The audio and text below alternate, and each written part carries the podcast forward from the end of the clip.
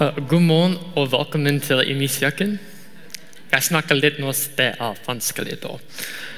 So um, it's so good to be with all of you here today. As uh, today we're going to be talking about the widow's offering, uh, a heart posture, and going over Mark 12. So again, if you need a translation with the headsets, uh, please feel free to find them in the back. If you're an international who s- understands English just fine, I just ask that you return them back up there in case anyone uh, needs them. But I'll do my best to speak uh, clear and slow in English this morning. So, uh, my name, as uh, Shartan talked about, is Derek Shipley. I work here as the Administrator of Integration and International Groups here at the church. Um, it's just been a blessing uh, being a part of the ME family um, and how God has uh, brought us here on our calling and journey uh, to work alongside ME Church. And I know some of you this morning uh, have never seen me before in your life. Uh, so I want to take a special American Midwestern moment and say howdy. Um, but this morning, we're going to continue on in the sermon series, uh, Prioritet, being on money and stewardship. Uh, I myself have found this to be a difficult topic um, to tackle because I've listened to some good teachings in the church on money, and I've also listened to some bad teachings in the church on money.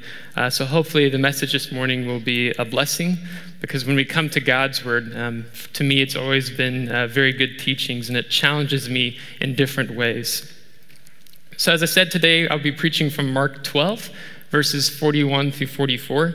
Uh, this passage will serve as the foundation of this morning's teaching. So, if you want to open your Bibles or your Bible app uh, on your electronic device, feel free to do so and reading along with me this morning. Um, this passage, as I said, it's known as the widow's offering, where we find Jesus and the disciples in the temple. So, Mark 12, 41 through 44. Jesus sat down near the collection box in the temple, and he watched as the crowds dropped in their money. Many rich people put in large amounts. Then a poor widow came and dropped in two small coins. Jesus called his disciples to him and said, I tell you the truth. This poor widow has given more than all the others who are making contributions, for they gave a tiny part of their surplus, but she, poor as she is, has given everything she had to live on. Perhaps there are some of you here this morning that are rather familiar with this passage here in Mark. Um, it's been one I have read multiple times myself.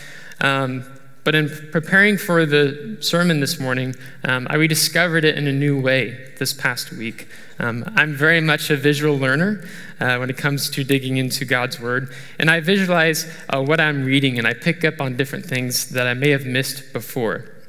So, uh, this being the case, uh, I want us to revisit this passage one more time.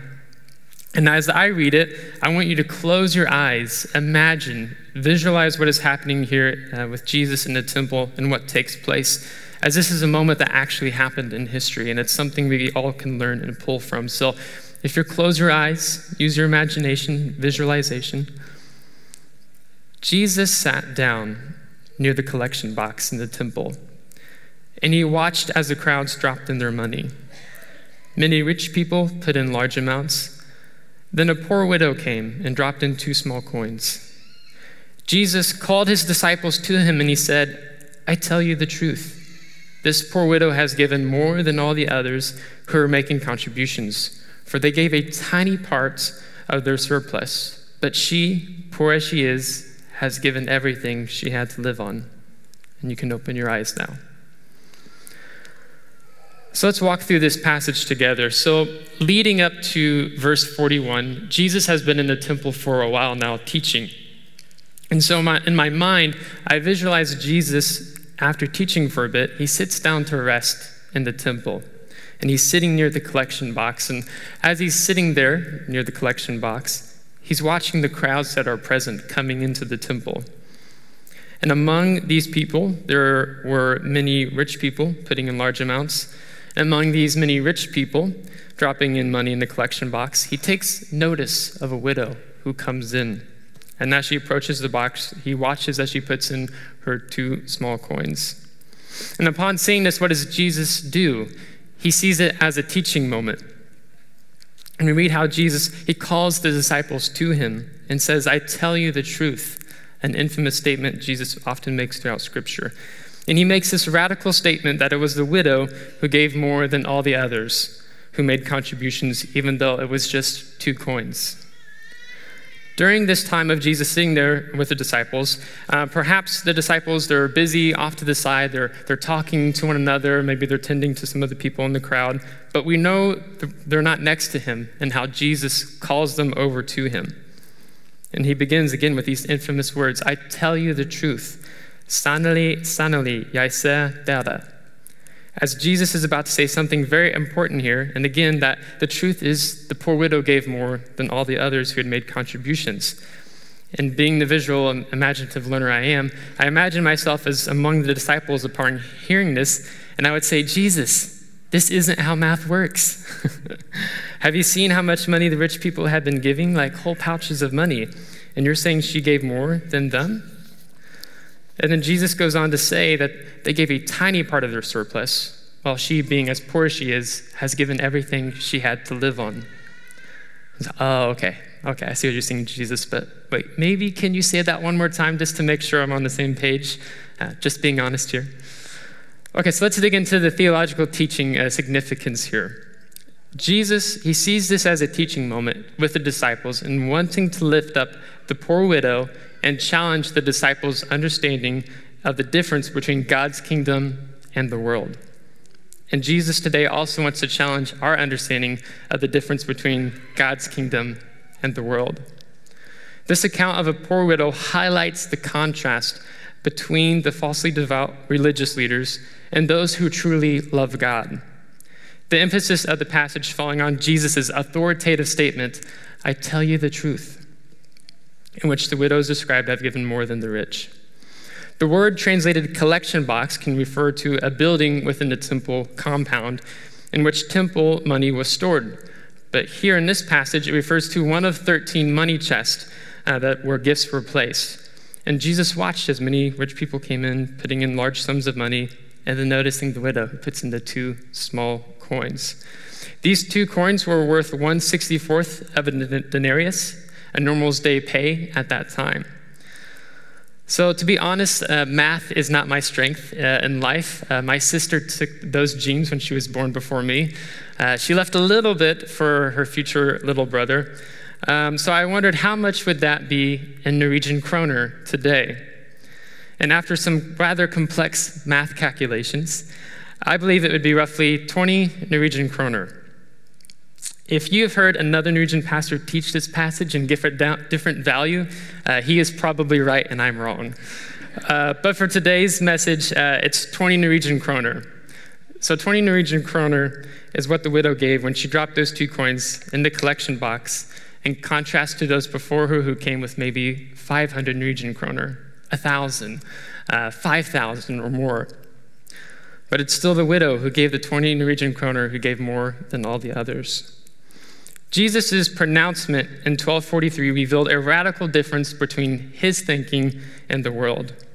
No one would have named a building after the widow for giving two small coins. But Jesus and his Father look at a person's heart. The widow was doing exactly what Jesus told the rich young ruler to do in Mark 10 21, and what he taught his disciples. Like the story of the woman in Mark 14, who anointed Jesus with expensive perfume in a beautiful alabaster jar at Bethany. The poor widow loved God with all her heart, soul, mind, and strength. So, for the poor widow, it was natural for her to give everything she had to the Lord because of her love for Him. This is where I felt God challenged my thinking and understanding of this passage. So, let me explain. So, I titled this message, this sermon, as The Widow's Offering a heart posture. And this phrase, heart posture, is something God has been constantly bringing up in my life over the past six years in my time in, in doing ministry. And when I say and use this phrase, I mean it in the place of where do I stand in my relationship with God in regards to important areas of my life? Do I have an open heart posture to God, or do I have a closed heart posture to God? Do I have a heart posture where God is glorified in my marriage with my wife? Do I have a heart posture where I'm open to God's calling in my life and that I trust Him as my good shepherd to lead me? Do I have a heart posture that honors God when it comes to my finances, or is it an area that can use a little more attention? This is where the poor widow inspires me and gives me courage because when I look at her heart posture, I think it's beautiful. I think it's wonderful. And that I want to live my life like that. That I want that truth that she has found to rest in my heart because money has been a difficult topic in my life and I want to have that same heart posture as she does in her giving when it comes to my finances. My personal testimony when it comes to uh, my heart posture and money is that's it's been a rather long journey. Um, it's probably taken place since I was 17 uh, until I was 27 to come to a place where I felt a good and strong peace about my relationship with uh, God and money.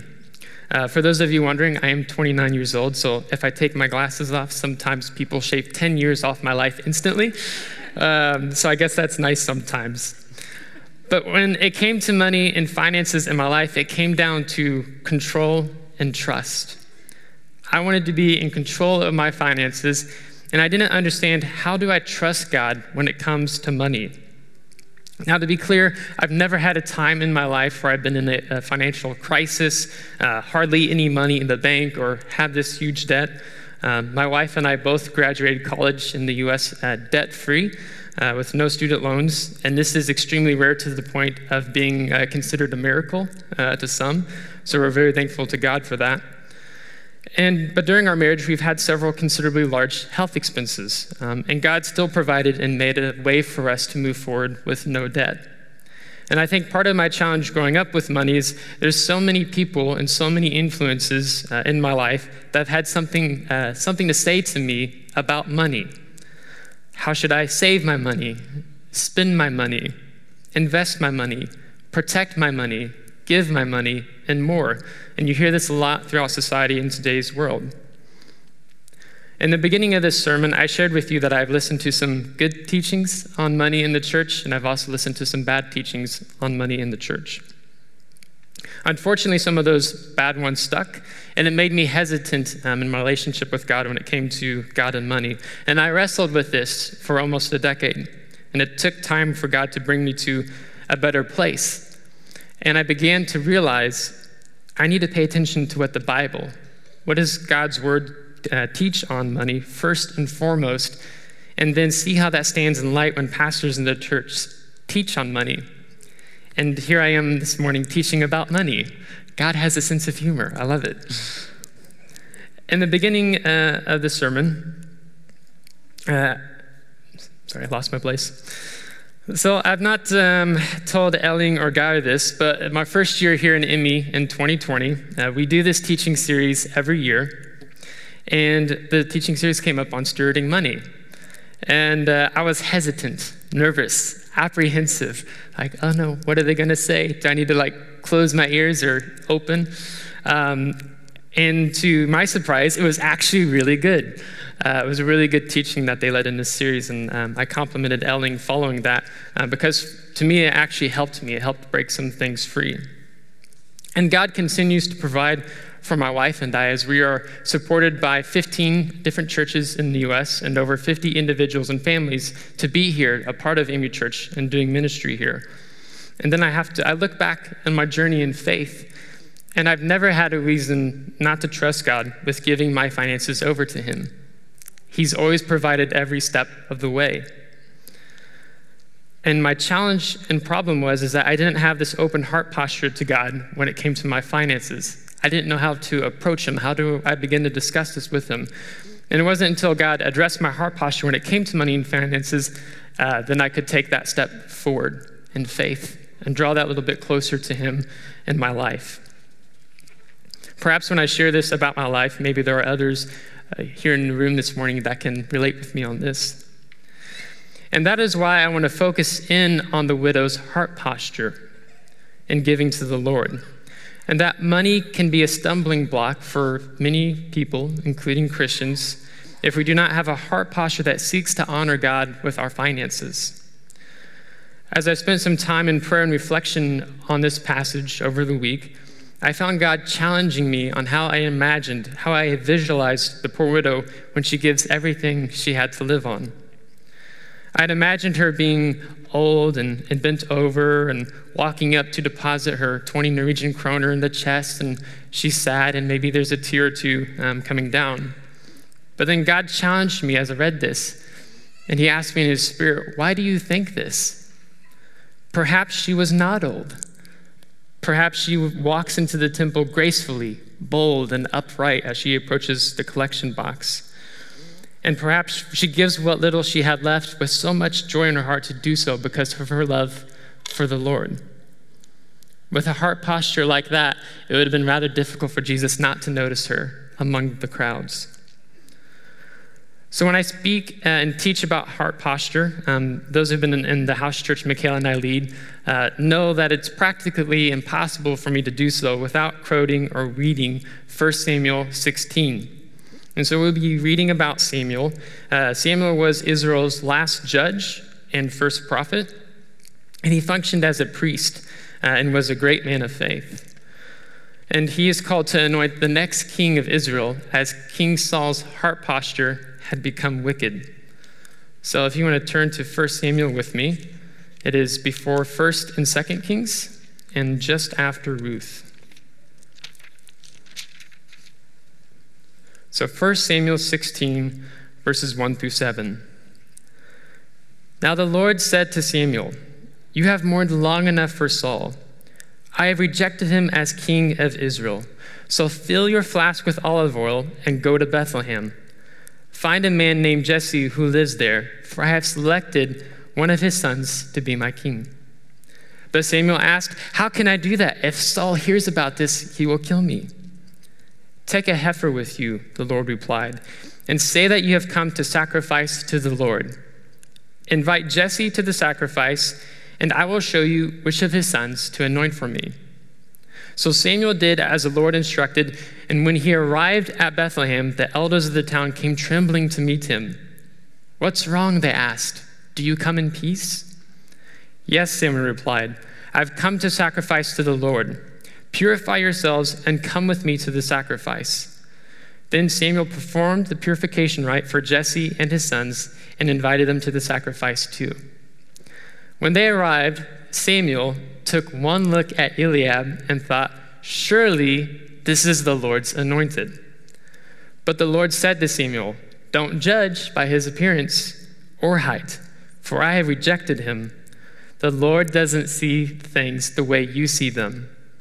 People judge by outward appearance, but the Lord looks at the heart. And as the passage continues, we read of how uh, Samuel anoints David. God can give a new heart, can touch hearts, and, and peer into the deep motivation of the heart. And God sees what people cannot see a person's true character. Through all the crowds of the people who came to the temple that day to drop their money in the collection box, many people saw a poor widow who came and dropped in two small coins in a chest, and they judged her by her appearance. Through all the crowds of people who came to the temple that day to drop their money in the collection box, our Lord and Savior Jesus saw a woman with a beautiful heart posture who loved the Lord with all her heart, soul, mind, and strength to give everything she had to live on. Does it mean more to you that what people see you do in judging you by your outward appearance? Or does it mean more to you that the Lord looks at your heart and your heart posture means infinitely more to Him than all the money in the world? Do you want to know why your heart is important to God? It's because He loves and cares for you. He knows how much your heart can be tied to your identity, your actions, your thoughts, your money, and much more. So, when it comes to stewarding uh, our money, I want to ask all of us in this room, including myself, are we stewarding our hearts? Are we seeking to honor God with a heart posture when it comes to money so that we can be like the poor widow too, with an amazing and beautiful heart posture in her giving to the Lord and her trust and reliance on Him? Today is also Palm Sunday, um, being Jesus' messianic entry into Jerusalem, a day remembered, observed, and celebrated by Christians around the world. The people around Jesus as he's coming into Jerusalem are shouting, Praise God, which is Greek being Hosanna. By the first century AD, Hosanna was no longer used literally as a cry for rescue from enemies, but it had become a natural expression of joy and jubilation. It was an enthusiastic welcome when they received Jesus. So, how can we experience this joy in giving and touching those around us? How can we praise God in our heart posture when it comes to stewarding our money and honoring Him? How can we welcome Jesus with joy into our hearts, praying that He would touch our hearts that we might be like the poor widow? Blessings.